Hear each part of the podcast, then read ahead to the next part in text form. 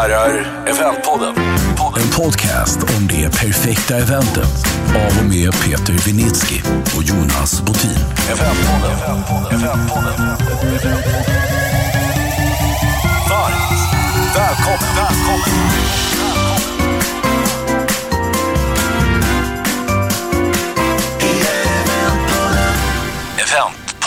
Välkommen till, till Eventpodden. Avsnitt nummer någonstans 50 är vi på. Eh, digital djupdykning ska vi göra idag. Vad lämpligt. Ja, eh, eh, läskigt och som, för mig som amatörproducent eh, av podd att ha ett digitalt geni med oss i studion. Ja, du tittar inte på mig Jag tittar säga. inte på dig Peter. Nej. Eh, men men eh, inte för det mindre så tänker jag att du ska få börja med att berätta för oss eh, skillnaden på fysiska event och digitala innan vi presenterar vår gäst. Oj, det, det var en stor fråga. Den kunde vi nog pratat en timme om. Men, Mm. eh, men eh, det finns ju jättemycket och vi kommer säkert att glida in på det också. Men några generella reflektioner eh, är ju dels att man ju på ett väldigt kostnadseffektivt sätt når ut till massor med folk digitalt. Såklart. Jag vet vi hade någon kund där för ett tag sedan som hade ökat sin räckvidd med över 1000% utan att öka investeringen. Så att det är ju naturligtvis någonting som är tilltalande och som kommer att göra att digitala events kommer att finnas kvar även när vi får träffas.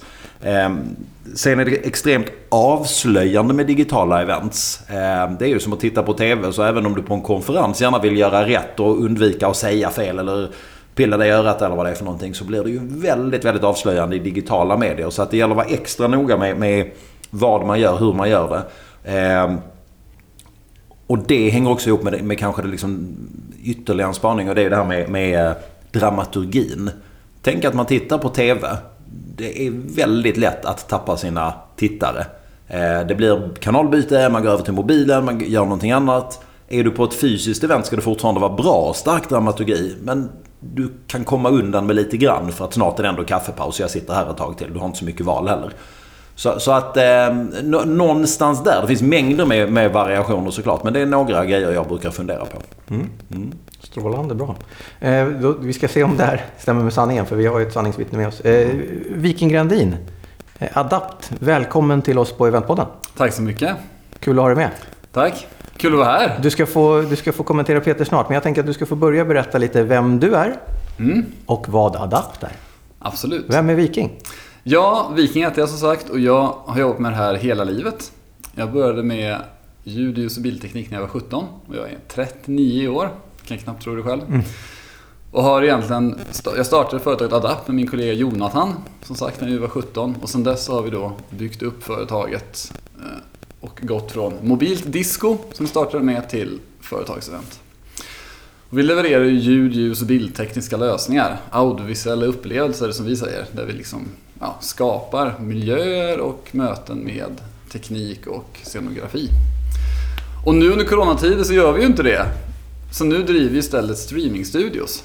Så vi ställde supersnabbt om i februari-mars och startade tre studios i centrala Stockholm på Västmannagatan 15 och två på Gotia Towers i Göteborg som är vår partner där. Och sen dess har vi sålt, har vi sänt då hundratusen, fel, hundratals event. Kan man säga, digitalt. Man kan säga att ni hamnar rätt i den här, eh, det här kaoset, eller? Ja, det kan man säga. Det är rätt in kan man säga, verkligen. Vi märkte ju, det var egentligen direkt i februari som våra liksom, första stora projekt började ställas in under året. Vi jobbar mycket med läkemedelsindustrin och de var ju först ut att ställa in sina evenemang. Och sen hade vi en hel del kunder som skulle lansera produkter som vi skulle göra fysiska event för. Och då behövde de istället genomföras då digitalt i en annan form. Så vår första studie startade egentligen med att vi snabbt behövde då ställa om ett event till en helt digital sändning. Och istället för att ha ett två dagars lanseringsevent istället göra en en timmes väldigt intressant sändning då. Kan man säga. Så så började det. Och, och hur, ser, hur ser ni ut idag? Hur många är ni och, och, och lite så här, ungefär hur många event det rullar på en vecka? Bara för man får någon bild. Ja, nej, men alltså, vi är oförändrad styrka på Adapt. Så vi är 25 heltidsanställda. Eh, Alla finns kvar. Och vi genomför ungefär 60 sändningar per månad från våra studios. Och då kan man ju säga att en sändning kan ju vara antingen en dag eller så kan vissa sändningar i tre, fyra dagar. Men ungefär 60 per, per månad gör vi. Men du, du sa här precis, Jonas frågade om ni hade landat rätt i där och det har ni gjort. Men, men eh, Är det inte så att, att eh, långsiktigt så är det här egentligen en liten annan affär än er, er huvudaffär? Ni vill väl gärna tillbaka till att göra de här klassiska fysiska eventen och så är det här en annan verksamhet? Eller tänker du att nej, det här, det här är jättebra, vi gör bara det här framöver? Nej, det här är egentligen Adapts fjärde ben kan man säga. Så det här är egentligen ett nytt företag som egentligen passar väldigt bra i vår organisation. Alltså Adapt normalt sett har ju liksom en skandinavisk del som jobbar med ja, företagsevenemang i Skandinavien. Sen har vi en internationell del där vi hjälper då kunder i och utanför Sverige. Och då reser vi ut till ja, USA och så gör vi ett projekt där och så hyr vi teknik lokalt eller jobbar med partners. Och de här digitala sändningarna, de har vi faktiskt tänkt på tidigare också, alltså de här digitala projekten. Men vi har liksom inte riktigt startat upp det. Så nu, allting vi har byggt nu egentligen sedan februari-mars, det är fasta studios som kommer finnas kvar. Så det här blir liksom det naturliga fjärde benet så att säga. Mm. Och jag ser att absolut att det kommer fortsätta. Det som är spännande nu, det är ju kanske lite det vi pratar om sen, det är ju hur bygger vi ihop de fysiska eventen med de digitala? För det är det som vi ser kommer framåt, verkligen. Alltså, vi kommer aldrig gå tillbaks, tror vi, till bara de fysiska eventen. Man kommer alltid ha med sig den digitala publiken. På ett annat det, sätt nu. Det där får vara en cliffhanger medan vi, vi låter dig kommentera på Peters ja, intro. Ja. Eh, skillnaden på fysiska och digitala, vad, vad, säger du? Håller du med Peter? Det ja, jag håller, jag håller med Peter. Inte helt, men delvis. Um, Klokt. Ja, men de fysiska är ju, för våran del, om jag, jag tänker våra kunders perspektiv också, där spelar vi helt på känsla. Alltså hur, hur känns det när vi träffas och vilken känsla får jag när jag går in i lokalen? Vilken känsla får jag av talare och innehåll? Och den, det kommer vi aldrig riktigt komma upp i när vi gör digitala event. Det är en sån här klassisk fråga vi får av alla kunder. Jag vill att det ska kännas som när vi gör det fysiskt, men jag vill göra det digitalt. Och där är vi ganska krassa och säger att nej, men det kan du inte få, för du kan aldrig få, du kan aldrig beröra alla dina sinnen på samma sätt när du tittar på en skärm och hör ett ljud som när du upplever det i en lokal. Däremot så är det precis som Peter sa, vi kan nå så väldigt många mer människor. Digitalt så måste du verkligen knåda ditt innehåll på ett helt annat sätt. Du måste ha ett fantastiskt bra innehåll och jobba med ditt innehåll för att det ska bli en bra sändning. Och det är någonting som många tappar när man gör de fysiska eventen. Det vill säga, du har gjort en konferens varje år och du gör den igen. Du kan ha en timmes powerpoint-presentationer, du kastar in en inspirationstalare och sen har du en skön fest på kvällen. Så det är många som inte riktigt kanske har jobbat med innehållet på samma sätt när de har gjort det fysiskt som de tvingas göra när de ska göra det digitalt. Av godo helt enkelt. Ja. ja, precis. Men det är ju jättebra för då måste de ju lära sig att göra det när precis. vi går tillbaka till det fysiska också. Ja, Så det, att det kommer det utveckla hela branschen. Och jag har haft många kunder som själv verkligen har reflekterat över det och kommit till oss efter sändningen och sagt att liksom, varför har vi inte gjort det här tidigare?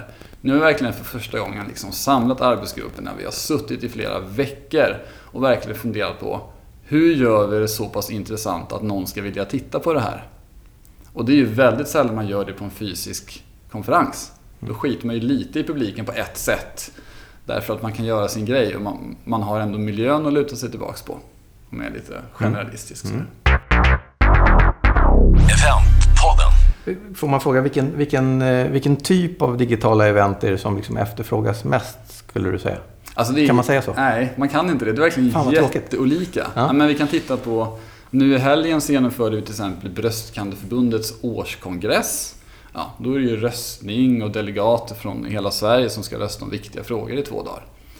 Sen så gjorde vi ett event för Microsoft med en byrå i, nu i veckan till exempel. Och då är det en entimmesändning där man ja, ska presentera ett nytt tema eller en ny, liksom, ny plan. Um, och sen så har vi vanliga konferenser. Det är verkligen jätte, jätteolika. Liksom. Fick en fråga idag på en modevisning som man vill göra. Så det går inte riktigt att säga så. Det är verkligen alla sorter. Då stryker vi den frågan helt enkelt. Ja. Är frågan är ställd. Alltså, frågan är ändå bra. Man måste kunna ställa frågan. Det är, det är en klassisk fråga som jag får från, all, alltså från alla kunder. Mm. Vad kan man göra? Det är mm. klart att du kan göra allting i digital form. Mm. Ja, men någonting som jag hör hela tiden och som, jag, som kommer från så många håll är liksom vi vill ha den mest kreativa interaktiviteten som finns och vi vill göra de mest tekniska high-end lösningarna som finns. Jag, jag, vet inte hur många gånger jag har hört det från både mm. liksom te- techtunga bolag men även bolag som inte alls är techtunga. Och jag landar ofta tillbaka till att säga att liksom, ha inte ambitionen att vara värst. För att det kommer ni aldrig kunna vara och ni kommer förmodligen bara konstla till det utan att kunna nyttja funktionerna. Ni kanske vill sticka ut och kommunicera på ett annat sätt istället. Eh, Sen är ju interaktiviteten viktig men man kommer ganska långt på liksom en ganska hygienfaktornivå interaktivitet tycker jag. Det, det räcker gott och väl. För det är mycket bättre än vid fysiska event. Det är mycket enklare med interaktivitet när du sitter vid en skärm. Så att, ja. Eventpodden. Fråga till. Eh, Ska man göra det live eller ska man göra live on tape? Ja, det är också en, ja, det är också en bra fråga. Och vad är det för Det något? beror helt på kunden egentligen, skulle jag säga. Men det beror också på vilken typ av event man gör. Sådär.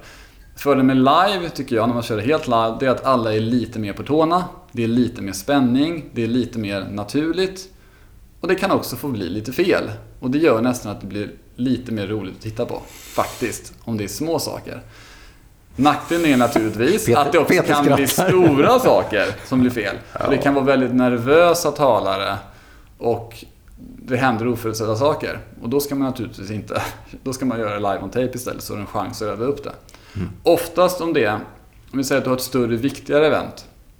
Du kanske har en, en internkonferens där du har en ny VD som ska presentera sin nya strategi för första gången och liksom tala till medarbetarna. Då rekommenderar vi att om han öppnar den här konferensen med kanske 5-10 minuters tal. Då ska man nog göra det live on tape så att man verkligen sätter den här första saken och det, man startar allt med det och han, han säger rätt saker. Liksom. Men sen kanske man ska blanda upp då förinspelade inslag med live-inslag. Så att inte allting känns så producerat. Vad är det vanligaste då? Vad gör de flesta? Nej, det är samma som den första frågan. Det är helt olika liksom. En del... Fast, fast ändå är det inte så. Jag tycker om jag bara tittar på de jag jobbar med. Att det har, det har viktat lite mer mot live on tape. I början så var förutsatt alla att man ska streama och det ska vara live. Jag tyckte nästan alla körde live. Nu tycker jag att det är ganska många som har lärt sig att men vi kanske ska köra live on tape ändå. Ja, alltså det är som sagt väldigt olika. Jag har jättemånga kunder som kör... Jag har några som kör helt förinspelat allting. Ehm, några som blandar och några som bara kör live. Så det är verkligen... Men vi försöker alltid rekommendera att du har ett antal inslag som är live on tape eller förinspelade inslag, alltså filminslag. Ska du bara förklara för våra lyssnare vad live on tape är? Vi sitter Ja, här och pratar precis. om det utan att förklara det. Nej, men live on tape är ju att du helt enkelt kör igenom hela ditt program som om det vore live. Men istället för att sända ut det så trycker du på, på record. Så du spelar in det. Men du gör inga omtagningar och sådär. Och du klipper inte ihop något om det inte absolut krävs. Så att säga. Och sen spelar, sen spelar du upp det så att det innebär ju i princip, i princip att du spelar Precis. upp en film. Eller delar av ditt program är en film. Eh, vilket ju, jag måste säga att jag pratar mycket om det här varje dag med, med både kollegor och kunder. Eh, den stora, det stora du tappar om du kör live on tape, det är att du kan inte ha interaktivitet fullt ut. Du kan inte, av förklarliga skäl inte skicka in en fråga till en talare som är inspelad en vecka innan. Det är ju en nedsida plus att du måste eh, också ha med att eh, kör du det live så kan det ju fela. Som du var inne på. Det kan fela. Så att det är pros and cons fram och tillbaka. Kan du leva med att du inte har den här riktiga interaktiviteten. Då tycker jag att live on tape är bättre. För du kan ju få en helt annan kontroll på ditt material. Det blir bra. Blir det fel så tar du om. Är det en talare som svettas, då tar du om. Eh, och tittar man på TV tillbaka. Jag pratar hela tiden om tänk, tänk TV. Det ska man ju veta. Man tror att saker och ting är live. Nej, nej, nej, nej. Det är jättemycket. Även livesända galor och så. Väldigt mycket är ju förinspelat. Blandat, som Viking sa, med livegrejer. Men, men jag tycker att man ser en tendens till generellt att fler och fler är öppna för det här med live tape. De har insett det. Sen kan man streama det vid en live-tidpunkt. Man säger att häng med oss klockan 12 ska vi lansera det här och det här. Det är inte så att du kan titta i förväg och du ska inte kunna scrolla i materialet om du har gjort det rätt och, och så vidare. Så att känslan är att det är live, även om det kanske inte är det. Men det är det man ska tänka på att, att när man klipper mellan ett live ett live-inslag och ett förinspelat inslag. Om du är i samma studio, samma kläder, samma frisyr och så vidare. Då så ser du ju inte att du klipper mellan förinspelade inslag och live-inslag. Och det, är det, det är det som är det finurliga i det. Så det är jätteofta om vi har flera talare som ska göra dragningar och sen så ha frågor från publiken efteråt. Då kör man dragningen live on tape. Då förinspelar vi den dagen innan. Och sen så står han redo i studion och så fort hans presentation är klar så klipper man till kameran där han står live och då så kan man svara på frågorna live. Men det är också för att skapa lite luft i, i programmet i studion så att talarna kan liksom vara fräscha hela tiden. Och så. Mm. Eh, får man eh, ställa, de som lyssnar på det här nu och säger så här, ja men det där, vi har inte vågat för vi har inte riktigt fattat hur man ska ta tag i det här. Eh, vilken, var ska man börja? Vart, eh, som företag, vart ska jag sätta igång? Om man, ska, om man vill göra ett digitalt event? Om man vill göra ett digitalt mm. event. Alltså, det första som jag brukar fråga det är ju vad är syftet med det? Samma fråga som vi har haft ja, innan. Det är ingen skillnad. Nej, men också därför att många som kommer till oss först, de, de kanske säger att Nej, men vi har gjort ett VIP-event i tio års tid fysiskt. Nu måste vi göra samma sak digitalt för 150 personer. Och då är frågan, nu kan ni inte göra det fysiskt, men varför ska ni göra det? Den naturliga frågan först är ju, varför är det ett VIP-event för 150 personer? För innan kanske det var därför att ni bara hade budget för 150. Man kunde inte göra det för 1000 personer exklusivt så det blev för dyrt. Men nu när vi gör det digitalt, ja, då, då, då finns det ju inget syfte kanske med VIP-eventet längre. Då kanske du ska börja göra ett väldigt bra kunskapsspridande premiärevent. VIP-faktorn är något annat. Ja, men det är lite så. Mm. Och det är väl det, det, är det många tror jag har störst utmaning med. Framförallt när man ska sälja det internt på sitt företag. Att faktiskt reda ut syftet, varför gör vi det här? Mm.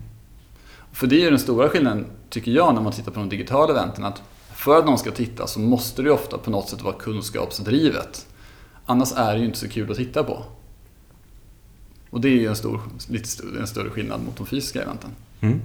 Bra, mycket bra. Roller och funktioner, vad, när man bemannar ett digitalt event, vilka, vilka, finns, vilka roller ser du viktiga? Ja, det beror på hur stort man ska göra det naturligtvis. Men i grunden digitalt så måste du alltid ha en bildproducent i någon form, en bildtekniker som styr allting som ska visas ut i bilden. Och du måste ha en ljudtekniker, om vi tar den tekniska sidan. Det är liksom basfunktionaliteten du ska göra i mindre skala. Sen det viktiga, alltså den viktigaste delen är att du har en definierad producent eller körproducent eller skripta. Kärt barn har många namn kan man säga. Mm. Men en person, det kan vara från kund eller från byrå, som styr vad som ska hända hela tiden.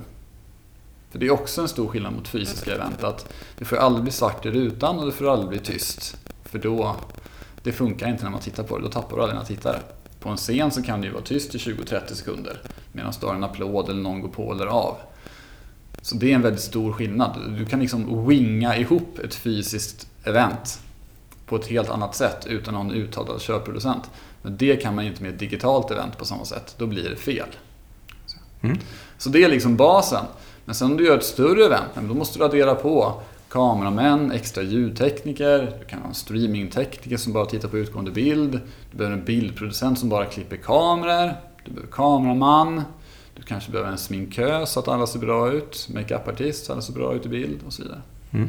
Så det går ju också växa teamet ganska så raskt. Det går att göra hur stort som helst, men, men de här första rollerna är liksom avgörande för att nivån ska bli tillräckligt ja, bra. Ja, det är. Och skillnaden, det är det man också behöver tänka på. Skillnaden är ju vill jag göra ett event som liksom är bättre än vad jag kan göra själv med min webbkamera. Kanske klippa mellan en två kameror för att få en lite snyggare prestation och bild ut. Då är det en nivå och det räcker för jättemånga kunder. Och den andra nivån det är, jag vill göra en TV-produktion som agenda. Mm. Då måste jag ha många kameror och många funktioner. Mm. Och då har vi gått från ett team på två, tre personer till ett team på 15 personer. Och det är också en av de första frågorna liksom vi också ställer i projekten. Det är, ungefär vilken nivå tänker man sig? Ser du liksom agenda framför dig? Eller ser du, jag vill ha hjälp att göra en väldigt mycket snyggare webbkameraproduktion i en studio? Mm. Och då kommer man på nästa fråga och det handlar om mjukvaror. Vad, vad, vad, vad, ska man, vad, vad gör man? Vad finns det? Vad har man? Ja, det beror också helt på om du ska ha mjukvara eller om du ska ha hårdvara eller om du ska ha en kombination av det. Mm. Återigen, det beror på om, om du vill ha tips för liksom, vad ska du ha i din dator. Eller om du vill bygga en minstudio. Och det finns inget rakt svar på den frågan faktiskt. För, för det beror helt på vad man ska göra och i slutändan hur mycket funktionalitet du ska ha. Alltså vi har väldigt många kunder som kommer till oss och frågar precis det här. Kan ni hjälpa oss att bygga en liten studio? Mm. Och sen när man frågar vad man ska kunna göra. Nej men jag vill kunna koppla upp mig på Zoom, säger vi. Ja. Fast jag vill också kunna streama ut det här. Och så vill jag kunna koppla in andra talare från resten av landet i egna möten i Zoom som ska prata med min moderator. Och så vill jag kunna spela upp filmer. Mm. Och så vill jag kunna fälla in PowerPoint. Men när jag fäller in PowerPoint då vill jag samtidigt kunna se en kamerabild. Och jag vill kunna göra det här utan tekniker. Och då någonstans är det, det är här någonstans den här ekvationen inte går ihop. Därför att Vill man kunna göra alla de här sakerna, då behöver man ha ett professionellt system som behöver hanteras av flera personer. Ja, eller rätt sagt när du kan. När du klarar att göra det där själv, då ska du nog starta en firma istället Ja, för att vara anställd någonstans på någon Yes. annan verksamhet. Så, så den andra delen det är ju så här att nej, men jag vill bara streama ut min webbkamera och kanske dela min skärm rakt upp och ner. Och då finns det ju massa programvaror för det. Men då får du problem just när du ska koppla in andra personer eller du ska kunna göra fler moment samtidigt. Så man måste liksom återigen hitta nivån där. Men är inte frågan egentligen Jonas, det kanske är jag som missförstår, men är det inte så här när kunden kommer och säger okej, hur går det här till? Vilken mjukvara streamar ni ut där? Från vilken plattform bygger man det? Det är de diskussionerna man har ju. Ah, där det okej. finns en massa olika sätt att, att få ut det här. Eller liksom, det, det är ju någonting ska det här spelas igenom. Ja, precis. Ja, det vi kallar kanske inte det. Det handlar snarare om vilken plattform man i så fall ska Plattform, sända Mm. ifrån. Ja. Menar, du har ju flera varianter. Du har ju, det mest klassiska det är ju streaming. Och det är helt enkelt så att vi skickar en bildsignal upp i molnet till en streamingtjänst. Det kan vara Vimeo, YouTube, det kan vara Facebook. Alla de är ju streaming i olika former. Och sen så distribueras den signalen till hundra eller tusentals datorer världen över. Och sen skickas den ner till alla då som sitter och tittar. Och fördelen med streaming det är ju att du kan distribueras till väldigt många människor. Det tar inte kraft från någon, ska man säga, från en enskild server. Du har en väldig redundans i det. Och, den, och strömmen som du tittar på den anpassas också efter din uppkoppling. Ja, precis som Netflix. Nackdelen med det är att du har 15-20 sekunder normalt fördröjning. Från det att vi sänder ut det i studion till dess att de tittar på det. Mm. Och det gör att du kan ju inte ha en dialog över, streaming, över en stream. Om någon sitter och tittar på din stream kan de inte samtidigt kommunicera med studion i realtid för du har för mycket fördröjning. Och då har vi det andra alternativet och det är att sända ut via en mötestjänst som Teams, eller Skype, eller Zoom eller Meet. För det funkar ju för oss när vi har våra vanliga digitala möten. Mm. Nackdelen med det, det är att för att du ska kunna sända ut på det så måste du sänka kvaliteten så mycket. Det är därför våra liksom, mötesbilder alltid har lite halvdåligt ljud och lite halvdålig bild. Även om vi har jättefina alltså, mikrofoner och kameror. Mm. Det är för att för att kommunikationen ska gå så snabbt så måste vi sänka kvaliteten. Så att vilken plattform så här, man väljer att sända på, om du ska göra det via ett, kan man säga, ett direktmötesprogram eller via streaming, det beror lite på vad man ska göra och vilken kvalitet man vill ha. Och det sista i det här, det är att bädda in det i en plattform. Och vi brukar egentligen säga att de första, den första varianten när du streamar, då tittar du ju bara på TV. Och så kan du skicka in frågor och så kan man svara på dem i studion, men ingen direktinteraktion. Om du bäddar in på en plattform istället, det är då du egentligen har gjort det till ett digitalt möte. För i plattformen så kan du få ut, som du pratade om förut, interaktiviteten. Du kan ställa frågor, du kan göra undersökningar. Men det som jag tycker är roligare på en plattform det är att där kan också normalt alla andra deltagare se varandra. Så jag kan se mina 50 kollegor eller 100 kollegor här. Jag kan se att de är online och jag kan se att jag är inte ensam i rymden som bara sitter och tittar på någonting. Utan jag kan se alla andra också. Det beror på vilken plattform ska man säga. Absolut, jo, men det gör det. Eh, Men det tycker, jag är, det tycker jag är den mesta effekten faktiskt med en plattform. Att jag kan se alla andra och att jag inte är själv och jag kan interagera med dem. Men det enda man gör på en plattform, det är återigen att skicka den här streamen till plattformen. I någon form då. Nu, för mig blev det nu precis så där härligt komplext så att man fattar att nej, jag ska inte ge mig på det här själv. Jag ska ta hjälp så att det blir så bra som jag, Ja, men, som jag vill. Och det är ju jätteintressant för det du säger där. Alltså jag står precis mitt i stormens öga som jobbar på byrå. Och och Viking var inne på vilka funktioner finns det. Och jag tror jag kan säga så här. Visst, det blir ju paradoxalt för jag menar eventbranschen är ju under extremt hård press. Och många, många har det jättetufft. Alla har det jättetufft. Samtidigt så, så tror jag att väldigt många har fått väldigt många nya kunder. För om det finns en liten sån här tendens kring fysiska event med jag kan själv-sjukan. Ja, vi som är yrkesmän och kvinnor, vi tycker så här, ja vi hör ju det rätt ofta att kunden kan själv. Och så tycker man då lite halvcyniskt att ja det vet vi att de kanske inte alltid kan. För de gör ju inte det här liksom 365 dagar om året, de gör mycket annat. Men de tycker, och det var som du var inne på, man kan winga fram ett, ett hyggligt fysiskt event. Och det kan man ju. Men det går att göra så mycket bättre. När det kommer till det digitala så är det så jäkla svårt. Ursäkta franskan. Så att vi har ju liksom, jag, jag, jag vet att kunder, företag ringer ju runt till byråer och bara hjälp oss. Vi vet inte var vi ska börja. Vi vågar inte ens tänka på det. Och det är svårt, det ska man veta. Sen tror jag att det är jättemycket barnsjukdomar. Jag tror att det har varit jättemycket så här man tycker att man gör digitala events när VDn står och streamar sitt, sin månadshälsning till personalen. Fast det kan ju de flesta göra från sitt egna Ja, liksom, YouTube-konto. Ja, men i princip Ja, ja. upp med en Facetime. Liksom. Och så ska man ha hjälp och konsulter, men det är inte det de behöver.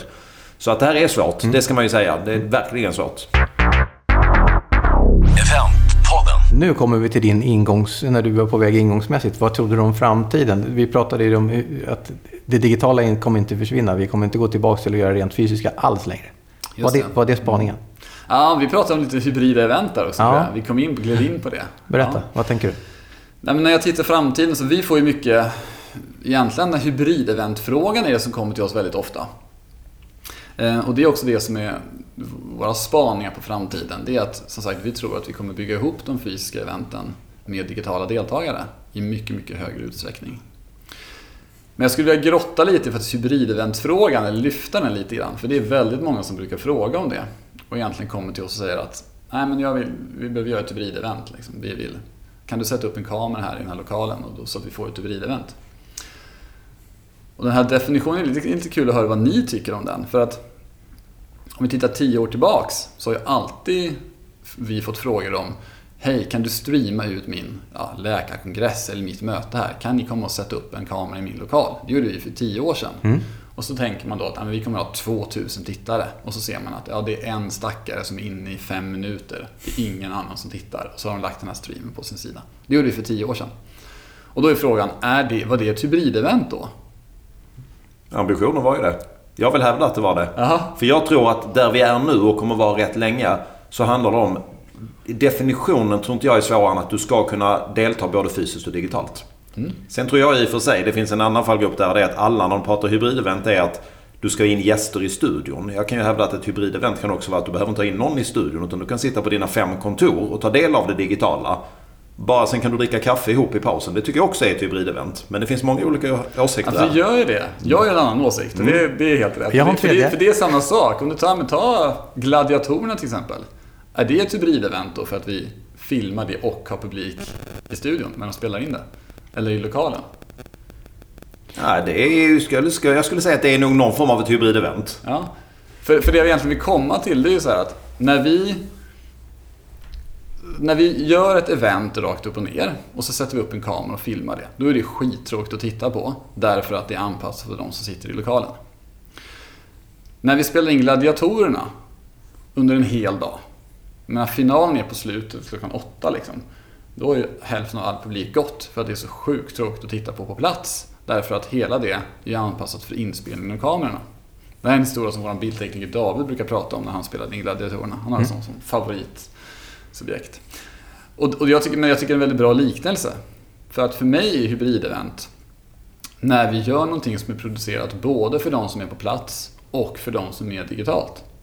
Och det kan vara i olika former, men det är då jag skulle definiera det som ett hybridevent. Det vill säga, det är intressant att titta på för båda målgrupperna, för båda målgrupperna och som kan interagera med varandra på olika sätt.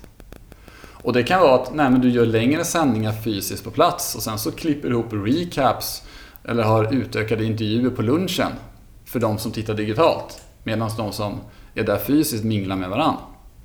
Du behöver inte alls ha samma program. Men det är för mig definitionen av hybridevent. Att man gör någonting intressant som funkar för båda målgrupperna. Där fick vi facit. Och det roliga är att det var med, jag fick lägga den tredje.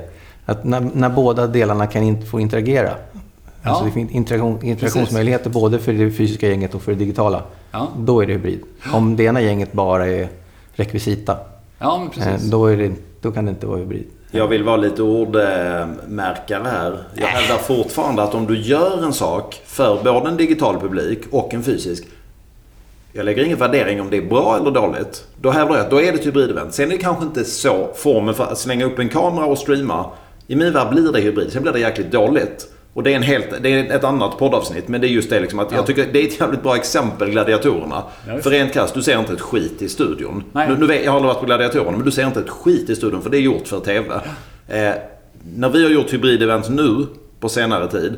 I vissa fall har det varit det här 1.0. Upp med en kamera, streama, det blir okej. Men det bästa har ju blivit när man i princip har två parallella körscheman. Ett för hybriden och ett för det, för Mm. Ja, det, eller ett för det digitala och ett för det fysiska såklart. Ska vi enas om att vi hade rätt alla tre då? Alltid. Ja, Man kan nog enas om att det är ingen som egentligen äger det här begreppet än.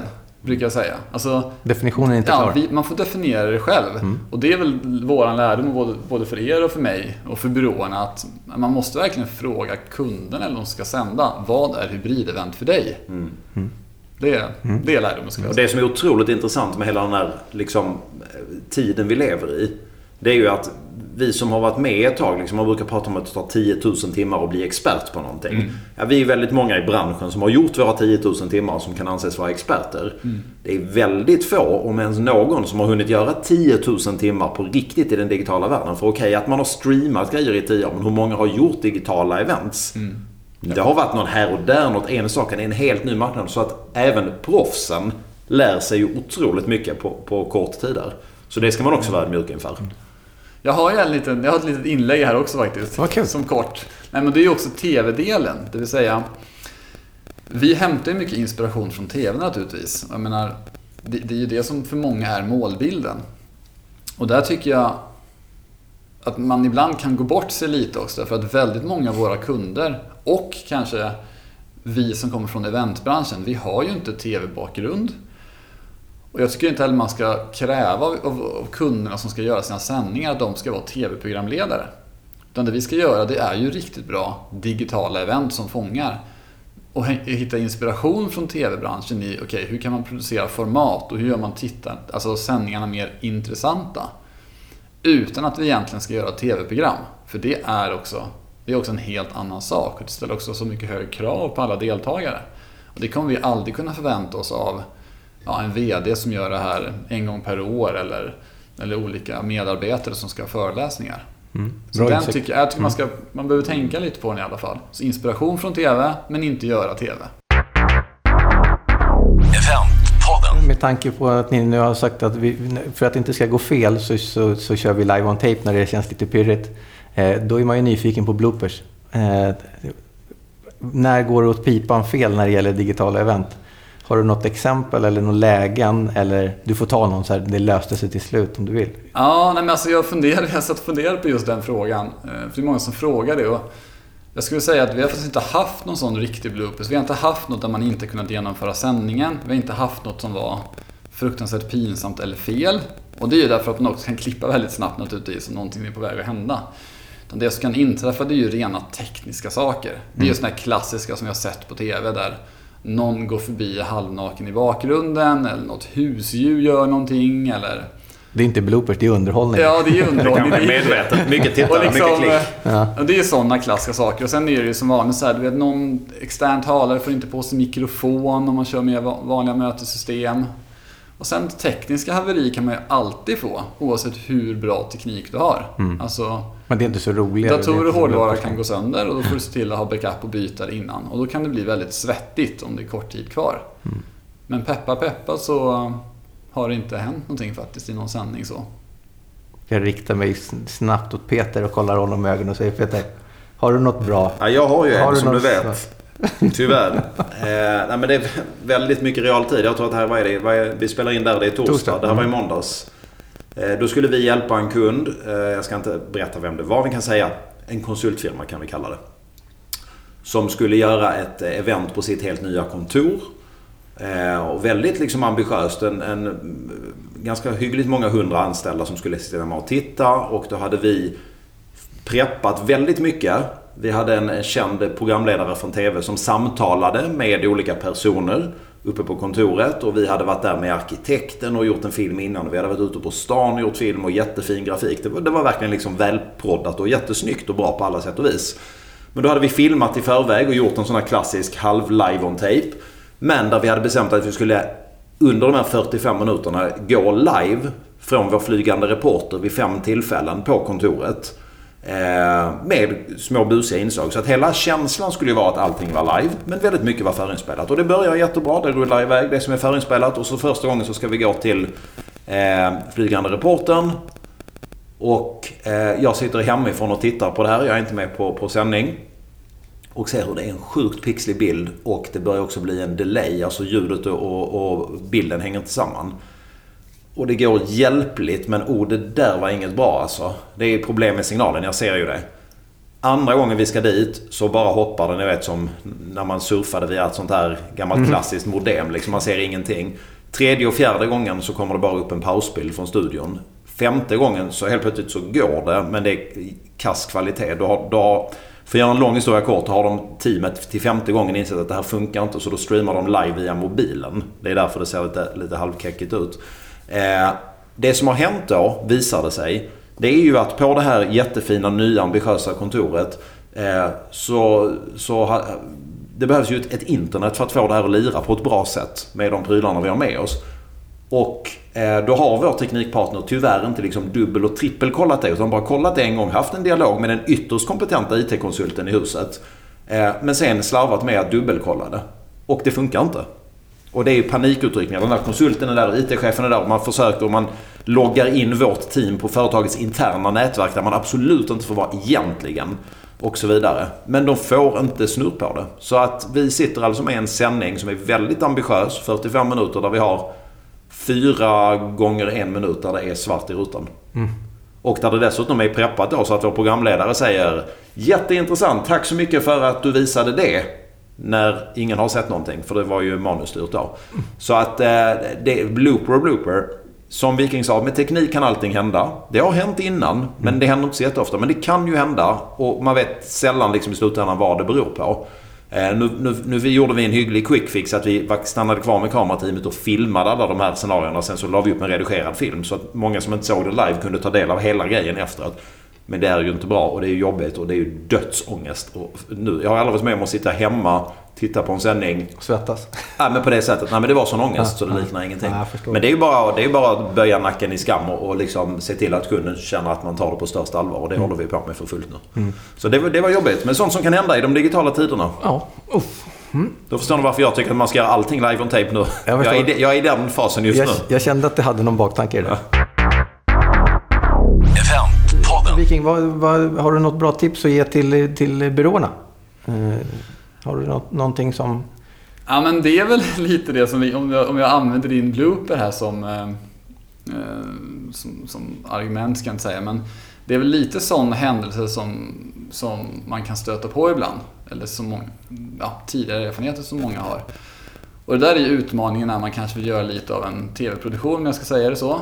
Eh, Men man vill göra det med enklare medel. Det vill säga, okej, här är du beroende av kundens egna nätverk. Kan funka en dag, kan inte funka en annan dag.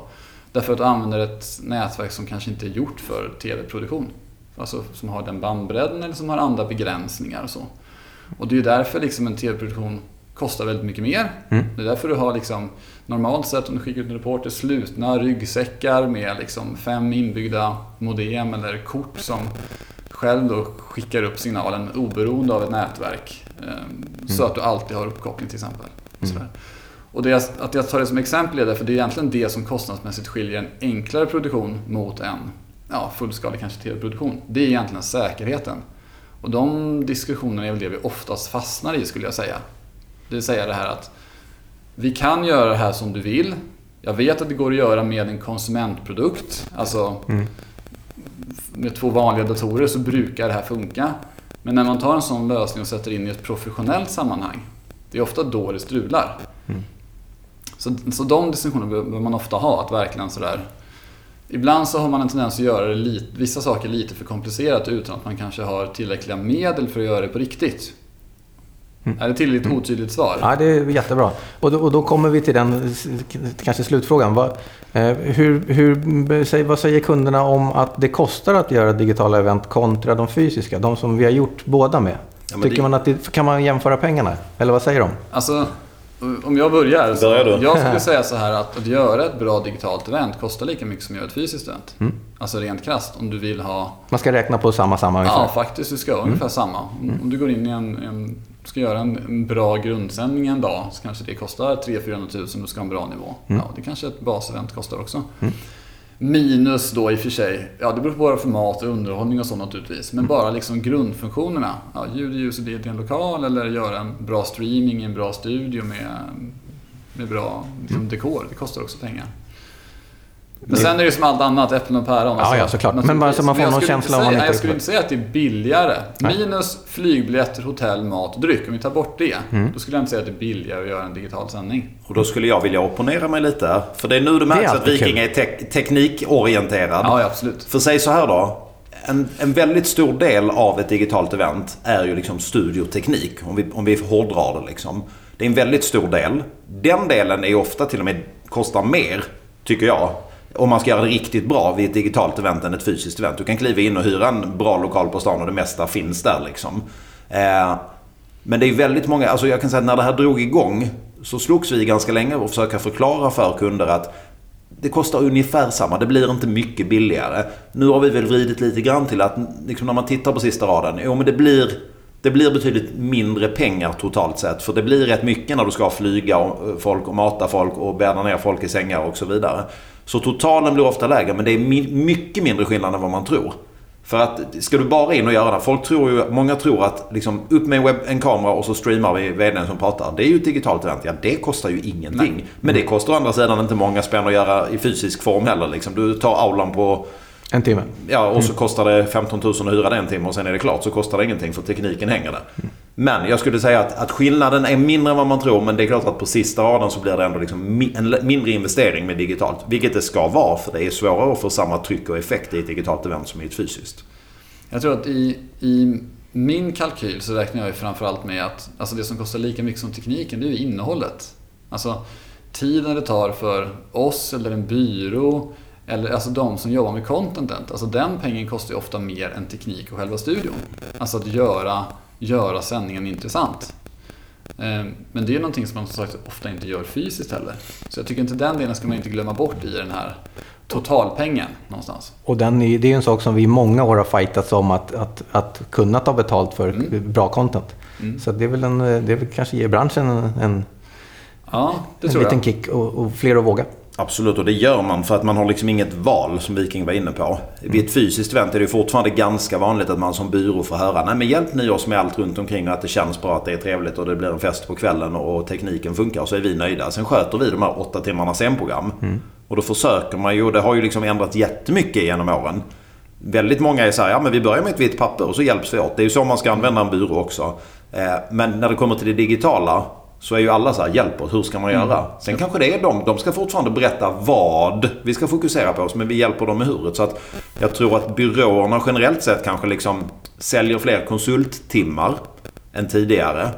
Men, men eh, du får å andra sidan inte betalt någonting för liksom eh, projektledning, logistik, de här bitarna. Har du 2000 man som ska göra någonting en helg i Göteborg. Ja, det är ju liksom många hundra timmar som du säljer som byrå också. Så att det är lite äpplen och päron där också såklart. Men jag tycker nog, jag måste säga att jag menar, förståelsen har verkligen ökat hos kunderna, tycker jag. Alltså bara på de här sex månaderna som har gått så är det väldigt stor skillnad nu mot i våras. Dels för budgeten och dels för hur man jobbar i ett digitalt projekt. Och också framförallt, som sagt, hur man jobbar med innehållet och content och att det behövs resurser för det. Ehm, och det tycker jag är en väldigt positiv skillnad mot när vi gör som sagt fysiska event. Vi pratade om det lite förut och då var det kanske lite mer sådär, jag kan själv eller jag behöver inte ha de här delarna. Det är väldigt få av våra kunder som säger att Nej, men jag kan själv sätta mig och vara körproducent och QA tekniker och all personal och räkna ner till filmer och 5, 4, 3, 1, nu kör vi det här ja, och så vidare. Så, så, det, så jag tycker faktiskt att eh, de lyssnar mycket, mycket mer både på liksom oss och byråerna och tar till sig kunskap och liksom man vill göra det bra och man förstår att man inte kanske har den kunskapen själv. Och då, det vill man ju också betala för på ett helt annat sätt tycker jag. Bra. Då fick man en bra bild av, av prisdelen också. Eh, jag tänker att jag, vi har lärt oss massor. Eh, tacka Viking Grandin, Adapt, för kunskap och eh, insikter och tacka Peter för framförallt för en bra blooper. Eh, För en gångs skull, Tack, tyvärr. kul, kul. jag ska avslöja en liten hemlis. Vi har gjort en digital djupdykning men vi har gjort den fysiskt för vi var på plats alla tre. Mm, visst är det busigt. Eh, tack för att ni var med på Eventpodden. Tack. Tack själva. Hej hej.